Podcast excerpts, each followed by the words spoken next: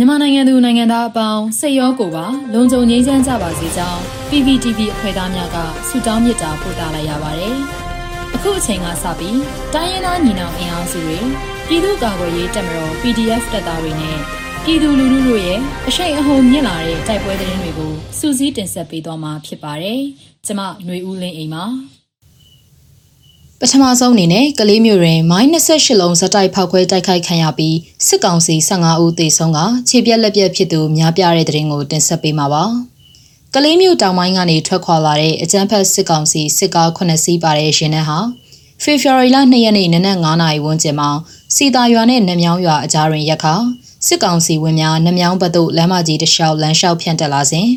မိုင်း28လုံးဖြင့်ဖောက်ခွဲတိုက်ခိုက်ခံရပြီး အကြမ်းဖက်စစ်ကောင်စီဝင်30ဦးခန့်ထိမှန်သွားကြောင်း PDF ကလေးကသတင်းထုတ်ပြန်ပါတယ်။ထို့ပြင်ဖေဖော်ဝါရီလ2ရက်နေ့တွင်ကလေးမျိုးကနေတောင်ပိုင်းကိုထွက်ခွာလာတဲ့အကြမ်းဖက်စစ်ကောင်စီကား9စီးတာယာကုန်းရွာဘက်သို့စစ်ကြောင်းဖြန့်တက်လာရာ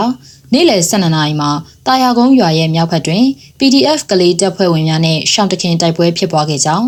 တိုက်ပွဲကြာချိန်တနာရီခန့်ရှိခဲ့ကြောင်း PDF ကလေးရဲ့သတင်းထုတ်ပြန်ချက်အရသိရှိရပါတယ်။ အဆိုပါတာယာကုန်းရွာမြောက်ဘက်တွင်ဖြစ်ပွားခဲ့တဲ့တိုက်ပွဲတွင်ကလေး PDF က2ယောက်ကြာဆုံးခဲ့ပြီးအကြမ်းဖက်စစ်ကောင်စီဝင်များရဲ့ထိခိုက်ဒေဆုံးမှုကိုအတိမပြုနိုင်သေးပါဘူး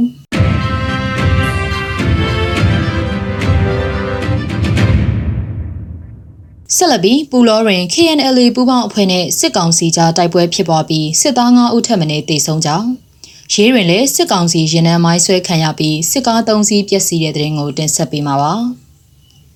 တနင်္သာရီတိုင်းပူလောမြို့နယ်စားခဲကြီးရွာဘက်ကိုစစ်ကြောင်းထိုးလာတဲ့စစ်ကောင်စီတပ်ဖွဲ့ကို KNLA ပူလော PDF နဲ့ PRDF တို့ကလက်ဦးမှုယူတိုက်ခိုက်ခဲ့ပြီးစစ်သား9ဦးထပ်မံတေဆုံးကြောင်းကြီးစံများလက်ပစ်ဘုံများကြီးကာအင်ကြီးများကိုတင်ဆက်ရမိကြောင်း PDF ပူလောကသတင်းထုတ်ပြန်ပါတယ်။နနက်6:48မိနစ်မှာတစ်ကြိမ်နနက်9:00နာရီကနေ10:00နာရီကျောင်းမှာတစ်ကြိမ် KNLA ပူပေါင်းတပ်ဖွဲ့မှလက်ဦးမှုယူတိုက်ခိုက်ခဲ့ခြင်းဖြစ်ကြောင်း လက်ရှိအချိန်တွင်စစ်ကောင်စီဘက်မှစစ်ကူများထပ်မံဖြည့်တင်းထားပြီးတိုက်ပွဲများဆက်လက်ဖြစ်ပွားနိုင်ခြေရှိကြောင်းသိရှိရတာပါ။အလားတူမွန်ပြည်နယ်ရေးမြို့နယ်မြောက်ပိုင်းအောင်တာယာကျေးရွာအနီးတွင်တန်ဖြူစရက်ကနေထွက်ခွာလာတဲ့စစ်ကောင်စီရင်နှန်းကိုယမန်နေ့ဖေဖော်ဝါရီလ2ရက်ည10:00နာရီခန့်မှာရေးမြို့နယ်ဒေသကာကွယ်ရေးနှစ်ဖွဲ့ကပူးပေါင်းတိုက်ခိုက်ခဲ့ပြီးစစ်ကား၃စီးပျက်စီးသွားကြောင်းသတင်းရရှိပါရယ်။အဆိုပါစစ်ကောင်စီရင်နှန်းဟာစစ်အင်အားဖြည့်တင်းမှုလာရောက်တဲ့ရင်နှန်းများဖြစ်ကြောင်း အောင်တာယာနဲ့လိမ္မော်ချန်ကျေးရွာကြားမှာရေးမြွနယ်ပြည်သူ့ကာကွယ်ရေးတပ်ဖွဲ့နဲ့ရေးပြောက်ကြားတပ်ဖွဲ့တို့ကပူးပေါင်းတိုက်ခိုက်ခဲ့ခြင်းဖြစ်ကြောင်းစစ်ကား၃စီးပျက်စီးကြောင်းစစ်သားတေဆုံးစင်းကိုမသိရှိရသေးကြောင်းဒေသကာကွယ်ရေးနှစ်ဖွဲ့ကသတင်းထုတ်ပြန်ပါတယ်။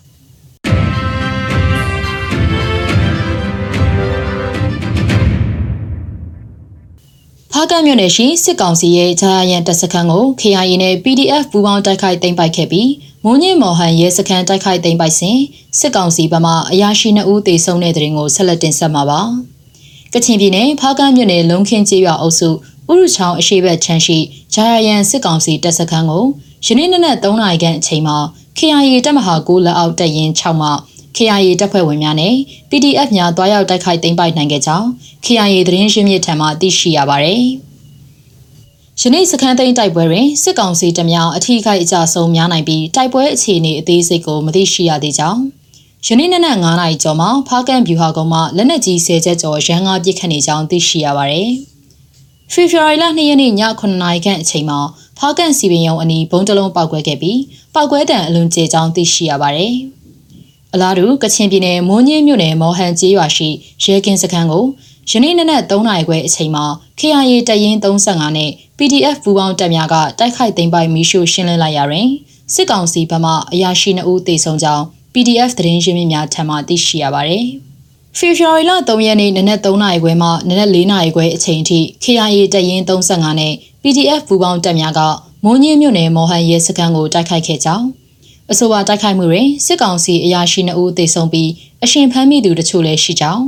လက်နက်နဲ့ခဲယမ်းအများအပြားသိမ်းဆည်းရမိပြီးတဲ့နောက်ရဲကင်းစခန်းကိုမီးရှို့ရှင်းလင်းလိုက်ကြောင်းသိရှိရပါတယ်။